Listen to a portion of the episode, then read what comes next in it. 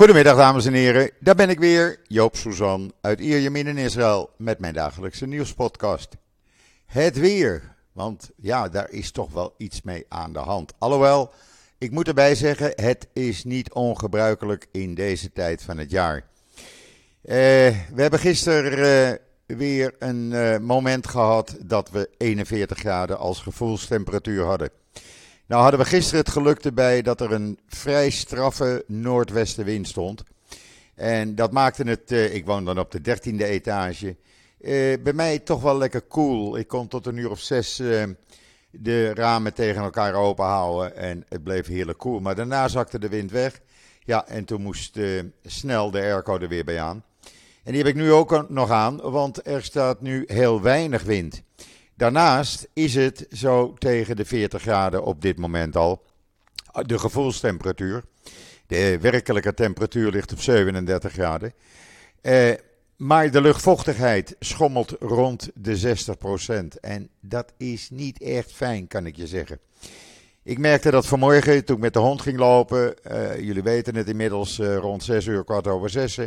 Toen was de luchtvochtigheid 74% en de gevoelstemperatuur al 32 graden. Om kwart over zes vanmorgen. Maar goed, we moeten er even doorheen. Uh, het zonnetje schijnt, zullen we maar zeggen. Het is lekker. Het duurt nog even tot en met donderdag. Daarna een paar graden koeler. Ja, wie er ook doorheen moesten, dat waren de IDF-soldaten vanmorgen. Toen ze een lid van uh, de Palestijnse Islamic Jihad wilden arresteren. Uh, en uh, meneer Ala Zakarna. En die wilde zich niet overgeven en die begon te schieten totdat zijn munitie opraakte. Uh, toen gaf hij zich maar over. Ja, tegen een overmacht uh, van soldaten kan je toch niet tegenop. Maar in ieder geval, ze hebben hem en ze hebben ook nog een andere gepakt. En daarnaast in een andere stad, in Hisma, hebben ze ook nog een aantal terreurverdachten aangehouden. Men blijft doorgaan. We willen gewoon geen terror, uh, terreuraanslagen meer hebben. En dit is de enige methode. Gewoon oppakken die handel. En uh, dan weten ze allemaal wat hen te wachten staat. De video's en het hele verhaal in israelnieuws.nl natuurlijk. En dan, uh, ja, ik heb gisteravond nog even gauw een videootje op Twitter gezet. Een man uh, bedreigde een gezin die uh, uh, ja, een foute verkeershandeling deed met de auto, wilde inhalen. wijfelde, ging weer terug en hij moest dan afremmen. Hij reed daarachter. Hij ging ervoor rijden en hij stapte uit zijn auto en bedreigde dat gezin op route 85 met een machette. Jawel, dat heeft men tegenwoordig in de auto liggen hier.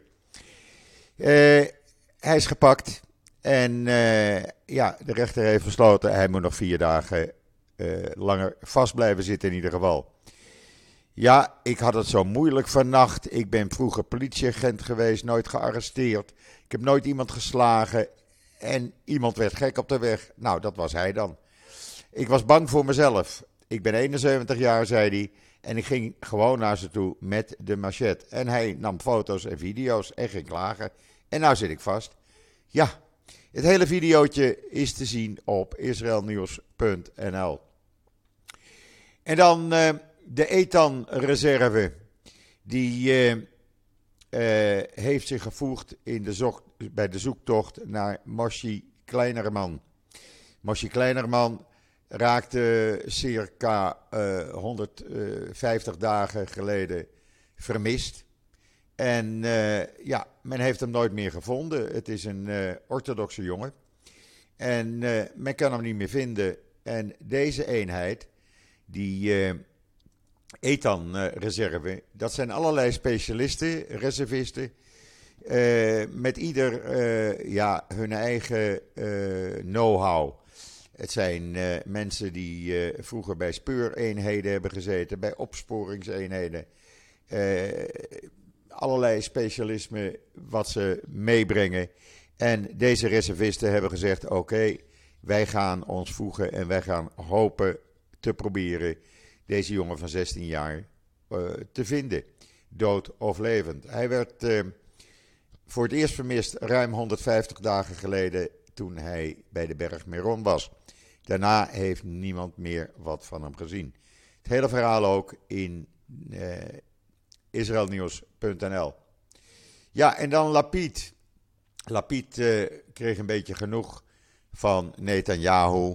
Die constant blijft roepen dat het allemaal aan Lapid ligt. Dat er nu zo een slechte Iran-deal komt. Uh, ze doen er niets aan. Ze hebben de regering Biden niet onder druk gezet. Ze gingen niet naar het congres zoals ik het deed. Ze zijn niet naar de Verenigde Naties gegaan zoals ik het deed. En ze werden pas wakker, Lapid en Gans, toen de deal al bijna rond was. Nou, daar heeft Lapid genoeg van. En die heeft gezegd: Oké, weet je wat, uh, Netanyahu? Je bent al een keer eerder geweest, een maandje terug. Je komt uh, maandagmiddag om vijf uur bij mij op kantoor. Gaat je helemaal informeren van de stand van zaken. Want je vertelt allemaal onzin. Uh, hij zegt, Lapid zegt, de schade die Netanyahu tijdens zijn ambtstermijn heeft aangericht aan de twee belangrijkste strategische kwesties van Israël. Uh, de strijd tegen het Iraanse kernwapen en de betrekkingen met de VS. Die was zo diep en zo ernstig, daar zijn we nog steeds mee bezig om die te herstellen.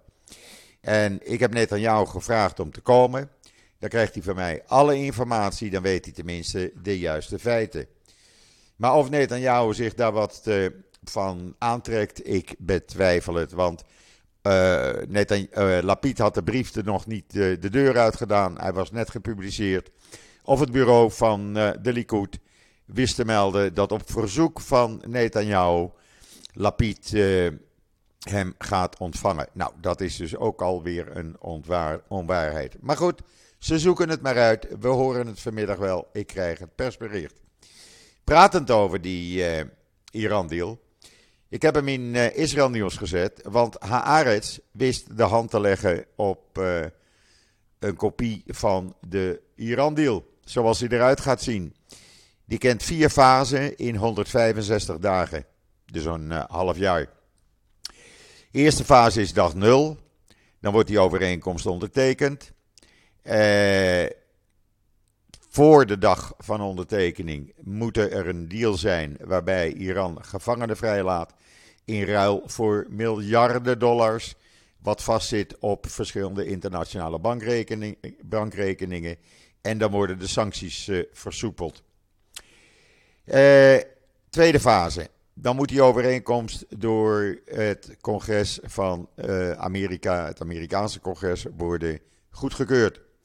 Dan blijft hij vijf dagen liggen. Men kan daarover praten. En binnen 30 dagen uh, moet het congres uh, zijn akkoord al of niet geven. Uh, beide huizen van het congres moeten de overeenkomst met een gewone meerderheid goedkeuren.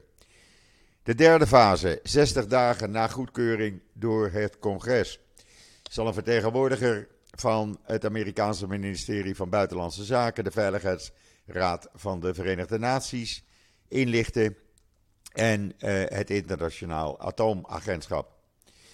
Nog eens 60 dagen later, in de vierde fase, dan wordt de volledige overeenkomst geïmplementeerd en zullen de Amerikanen en Iraniërs een uh, verklaring afgeven. Deze ontwerpovereenkomst is opgesteld door de EU-bazen, die hebben hem er doorheen gedrukt. En die proberen Biden zover te krijgen zich hier helemaal achter te stellen. Lees het in israelnieuws.nl. Maar gaat deze overeenkomst dan ook uh, uh, de, de, de kernwapenproductie van Iran stoppen? Nou, als je de Mossad uh, moet geloven, die gelooft daar niets van. Die zegt, de Mossadbaas, het uh, gaat gewoon door. Ze weten wel weer een manier te vinden. Dus we moeten aan de gang blijven om onze acties tegen Iran door te blijven zetten. We zijn er nog niet vanaf, maar we zullen merken uh, ja, hoe dat in de komende uh, weken vorm gaat krijgen. In ieder geval, het wordt een spannende tijd. Het is nog niet gedaan. Uh, ja, gisteravond zag ik opeens in de Telegraaf van David de Jong een uh, Nederlandse auteur, ook journalist die in Israël woont. Uh, correspondent is voor het Financiële Dagblad. Die heeft een boek verscheen, uh, gemaakt, Nazi-miljardairs. Hoe er bloed kleeft aan de merken BMW, Porsche, Volkswagen, Daimler, Mercedes, IG Farben, Siemens, ThyssenKrupp en Dr. Oetker. Want die bedrijven floreren dankzij grootschalige collaboratie met de nazi's in de jaren 30-40. En tot op de dag van vandaag proberen de erfgenamen nog steeds groot aandelen, die nog steeds grote aandeelhouders in die bedrijven zijn, uh, deze geschiedenis wit te wassen. Ze willen daar uh, uh, niets over weten. Nee, ze zijn heel goed geweest. En ja, als je dat verhaal leest in de Telegraaf gisteravond. Ja, het was allemaal al bekend. Het is allemaal zo bekend. En we weten allemaal dat als je een BMW of een Volkswagen koopt. Of je neemt een, een kopje pudding van Dr. Oetker. Ja, daar kleeft bloed aan. Uh, ik heb ook nooit eigenlijk een Duitse auto gekocht. Heel raar. Niet dat het hier om ging, maar ja, waarschijnlijk. Uh, ik vond Duitse auto's minder comfortabel dan Franse. Dus ik heb altijd Frans gereden. Nee, ik heb in het begin één keertje een Fiat 650 en een Fiat 127 gehad. Dat waren mijn eerste auto's. Daarna alleen maar Peugeot en tegenwoordig Renault. En dan de mede-uitvinder van Wees, Uri Levin. Hij heeft natuurlijk zijn bedrijf toen voor miljarden verkocht. En uh, doet nu alleen maar leuke dingen. Uh, is ook vertegenwoordigd in Movit, die openbaar vervoer-app. En ja, hij is een van de bekendste high-tech ondernemers, laten we het zo maar zeggen. Hij heeft een boek, uitgebracht, ja, ook al pro, Fall in Love with the Problem, Not the Solution. Het is een hand, handboek voor ondernemers. Maar hij is er ook van overtuigd, en dat gaat hij binnenkort op een conferentie van de Jerusalem Post uitleggen, eh, dat eh, ja, files, files gaan verdwijnen, zegt hij. Hij zegt eh, niet alleen dat we daarom bezig zijn begonnen, hij zegt, want ik heb een vreselijke hekel aan files. Ja, wie niet? Hij zegt, maar ik ben ervan overtuigd dat de komende jaren het aantal autobezitters drastisch zal verminderen. En waarom zegt hij? Omdat de nieuwe generatie minder auto gaat rijden. En als ze auto gaan rijden, gaan ze auto's delen. Ze zullen minder eigen auto's kopen. Dat gaat hij allemaal onthullen. En ik denk dat daar wel iets in zit. Ik merk het nu ook bij mij in de buurt Steeds meer deelauto's, mensen die auto's samen delen of van bedrijfjes. En uh, ja, het zal een andere manier van autorijden worden, want dit kan ook niet. Ik, uh, ik zie dat hier dagelijks, uh, en nu beginnen de scholen 1 september, dus vanaf volgende week is het weer feest. Want dan doe je gewoon anderhalf, twee uur over een stukje van 18 kilometer naar Tel Aviv tussen 7 en half tien s morgens. En wil je s'avonds weer terug, nou dan moet je toch voor drieën terug zijn. Want anders eh, tot een uur of acht staan er alleen maar files vanaf Tel Aviv richting het noorden. En als je bijvoorbeeld de Ayalon Highway kijkt, die staat nu al bijna de hele dag vol rond Tel Aviv. Dus nee, autorijden hier, het is geen pretje. Ik geloof dat het in Nederland net zo is. En dan de minister van de Diaspora de minister die gaat, of die de betrekkingen onderhoudt met de Joden in het buitenland, Nachman Shai.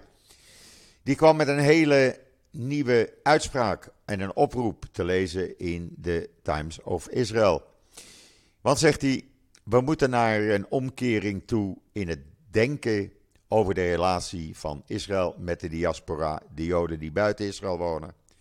En het moet niet meer zijn van hoe Joden in het buitenland Israël kunnen helpen, Nee, zegt hij.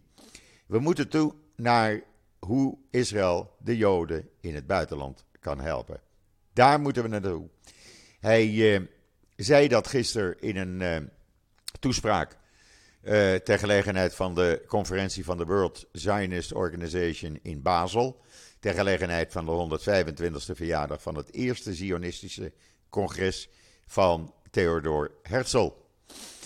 hij zegt, en het is niet meer zo dat uh, Israël afhankelijk is van de Joden in het buitenland. Nee, Israël moet zich veel meer af gaan vragen wat ze kunnen doen om het lot van het Joodse volk en de Joden in het buitenland veilig te stellen.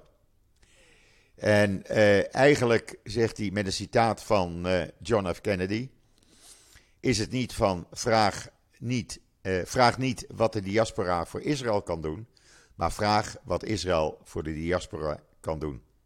Ik ben het helemaal met de mens. Sorry. En dan uh, Netanyahu. Eerst die twee ultra, ultra extreemrechtse partijen bij elkaar gebracht. Afgelopen vrijdag tijdens een bijeenkomst in zijn huis. Die mogen tot 1 november, de dag van de verkiezingen, gaan ze samen. Uh, 2 november mogen ze weer uit elkaar. Maar dan, dan is hij zeker dat hij een rechtsblok heeft. Ja, uh, maar hij wil zo graag premier worden. Hij wil het op zeker spelen, Netanyahu. Die bemoeit zich nu ook met de ultra-orthodoxe partijen. En wil dat ultra-orthodoxe partijen ook als één blok de verkiezingen ingaan om hem te steunen. Want anders zou hij wel eens geen premier kunnen worden. Hij moet toch die 61 zetels hebben. Ja, nou zijn die ultra-orthodoxe partijen staan niet echt te trappelen om uh, hierop uh, in te gaan. Uh, ze voelen langzamerhand wat meer voor Lapid. Hoe gek het ook klinkt. Maar er gaan steeds meer stemmen op. Bijvoorbeeld bij de U, UTJ. Die is gemaakt uit twee ultra-orthodoxe partijen. Agudat Israël en Degel HaTorah. En ja, die, die voelen er langzamerhand wel voor om eens een keer wat anders te proberen dan Netanyahu. Dus Netanyahu is een beetje nerveus en je kan het lezen in de Times of Israel. Qatar, ja, het land, landje, waar in november het wereldkampioenschap voetbal zo nodig moet worden gehouden. Het bedrijf Be-In Sports is eigendom van de eigenaren van Qatar, want zo mag je het wel noemen. Het is een mediabedrijf en die heeft dus uh, hele lijsten gemaakt met de Champions League. Wie tegen wie speelt en wanneer en waar. En wat denk je? Maccabi Haifa komt er niet in voor. Nee, in die pool uh, van Maccabi Haifa waar Paris Saint-Germain, Juventus en Benfica in uh, zitten. Daar staan alleen maar die drie laatsten in en uh, Maccabi Haifa wordt niet genoemd. Racisten, jawel. Maar de wereldkampioenschappen voetbal worden er gehouden. En dan is een Israëlische tiener van 15 jaar in Haifa opgepakt. Die via TikTok geleerd heeft hoe je uh, explosieven kan uh, maken. Toch wel makkelijk. Hij had al een aantal Molotov cocktails uh, op zijn lichaam toen hij werd gearresteerd door de politie. Want hij wilde wel eens een zelfgemaakte bom uitproberen. Hij had dat op uh, TikTok gezien. Nou, hij zit voorlopig even vast. Er valt niets meer uit te proberen. Wie ook vastzit, is een uh, jonge dame. Die, nou, jonge dame. Het is eigenlijk een moeder van twee kinderen, 36 jaar. Maar goed, ze voelde zich jong genoeg om de nachtclub in te gaan in Haifa. Ze kreeg ruzie met de uitsmijter en ze weet de helft van zijn oor af. Ja, daar had ze zin in en dat deed ze dus. En ja, nou ja, ze zit nu vast. Want uit instinct, zei ze, greep ik meteen het oor en ik beet hem. Nou ja, ongelooflijk Mensen moeten niet uitgaan. Uh, ze is al voor de rechtbank gebracht. Ze zit voorlopig nog een aantal dagen vast. Rare mensen heb je toch. Te lezen trouwens in Ynet. In de Times of Israel viel te lezen, en daar keek ik even van op, dat apenpokken voor het eerst is vastgesteld bij een vrouw in Israël. Nog niet eerder was dat gedaan. en uh, die vrouw die is in contact geweest met een man die uh, vermoedelijk apenpokken had. Dus zo kan je het ook krijgen. Er zijn uh, nu 2700 mensen ingeënt hier. Israël heeft 5000 vaccins in totaal in eerste lading gekregen en er komen er nog 5000 aan. Dus iedereen kan ingeënt worden. En dan uh, mogen de chocoladeproducten van Strauss Elite na maanden weer verkocht worden. Want uh, ja, daar was een paar maanden geleden salmonella in die fabriek geconstateerd. De chocola zat vol met salmonella. En uh, het bedrijf moest helemaal schoongemaakt worden. Ze moesten de productie op een andere manier gaan doen. Er wordt strenger toezicht gehouden. En uh, ja, langzamerhand mogen ze gaan produceren. Maar alleen onder toezicht van het ministerie van Volksgezondheid. En dan de uh, verkiezingen komen eraan. En uh, ja, dan zou je toch zeggen, iedereen wil stemmen. En vooral in de Israëlisch-Arabische sector. Maar nou is er een peiling geweest. En nou lag die vorig jaar bij de laatste verkiezingen, ja, we hebben ze hier uh, bijna elk jaar tegenwoordig, lag uh, het al laag, de opkomst van de Arabieren, 44,6 procent. Maar uit peilingen blijkt dat het 1 november nog lager uh, gaat worden. Misschien als ze mazzel hebben, gaan de 39% van de Israëlische Arabieren stemmen. Te lezen in Jeruzalem Post. En ik vind dat, ja, ik vind dat erg laag, moet ik zeggen. En dan, uh, het schijnt nogal heel moeilijk te zijn voor de EU-bazen. Want ze gaan bestuderen hoe ze uh, kunnen oproepen om Russische toeristen te verbieden de EU in te komen. Daar moet je eerst heel lang over gaan studeren. Je moet je geld natuurlijk ergens aan verdienen, hè, je salaris. Dus ze gaan, uh, ze gaan dat doen. En gedurende een tweedaagse bijeenkomst die morgen in Praag begint. Even een slokje water. Wat water? Oh mensen, ik drink me gek aan water. In ieder geval, uh, volgens de Times of Israel uh, gaan ze dat nu uh, bestuderen, de EU-bazen. Ja, je moet je tijd toch ergens aan besteden. En dan een hele ar rare arrestatie in een Arabisch dorpje gisteren. Daar werd een vrouw in bruidsjapon gearresteerd in het uh, Arabische dorpje Araba in uh, uh, de Galil, in Galilea. En waarom? Omdat zij haar man, toekomstige man, de bruidegom, uit huis had gehaald om met haar te trouwen. Maar die bruidegom, die had een straatverbod. Die mocht zijn huis niet uit. Want die had, een, die had illegaal wapens bij zich en die mocht voorlopig even het huis niet uit. Nou, zij wilde toch trouwen. En nu hebben ze mijn gelukkigste dag van mijn leven verpest, vertelde de bruid huilend aan uh, Channel 12 Nieuws. Te zien de foto op, uh, en de video op uh, Times of Israel. Ja, wie gaat er nou, als je weet dat je toekomstige man een straatverbod hebt, dan ga je hem toch niet overhalen om te trouwen. En dan, ja, dan wordt ze zelf in de bruidsjurk gearresteerd. Alles kan tegenwoordig, alles is mogelijk. Niks is meer onmogelijk, zullen we maar zeggen. Ja, en dan de moeder van het zesjarig meisje die uh, zaterdagavond geraakt werd door een verdwaalde kogel uit Ramallah. Die zegt van, uh, ik had mijn dochter wel kunnen verliezen. Uh, ze blijven maar in het wilde wegschieten, die, die Arabieren. En ze, ze speelden gewoon in de tuin. En opeens werd ze dus geraakt door die verdwaalde kogel. Uh, ja, heel triest allemaal. Uh, heel raar, maar ja, dat schieten. Arabieren die, die hebben iets met schieten, die dat vinden ze prachtig. Bij alles wat er wordt gedaan, moet er geschoten worden. Dat viel mij uh, al vaker op. En ja, het zal er wel bij horen, maar ze blijven, ze blijven schieten. Ik kan daar verder niets aan veranderen. Die moeder vertelt haar verhaal. En die, uh, die komt dan uh, nog een keertje in de publiciteit. En het wordt opgepikt door alle media, de televisie en de uh, kranten natuurlijk. Maar het belangrijkste nieuws in Israël is natuurlijk de al of niet doorgaande staking van leerkrachten op 1 september als de scholen hun deuren moeten openen. Daar openen alle journaals mee met dezelfde interviews, dezelfde interviews in alle kranten. Het gaat om Lieberman, het gaat om de minister van Onderwijs, het gaat om de vakbondsleidster en het gaat om Lapid die moet bemiddelen en dat voorlopig nog even niet wil.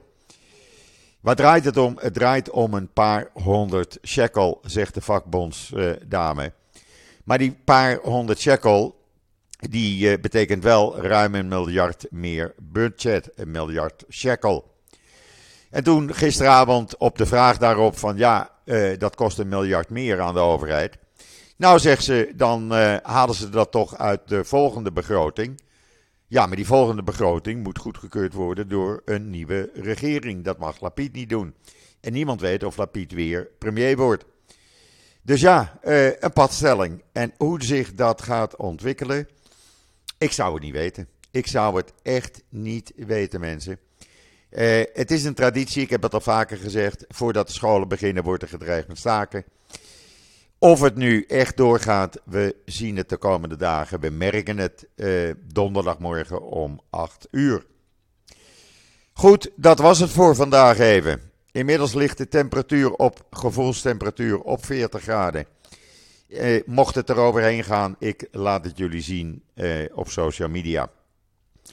Ik wens iedereen nog een hele fijne voortzetting van deze maandag, de 29 augustus. Ik ben er morgen weer en zeg zoals altijd: tot ziens, tot morgen.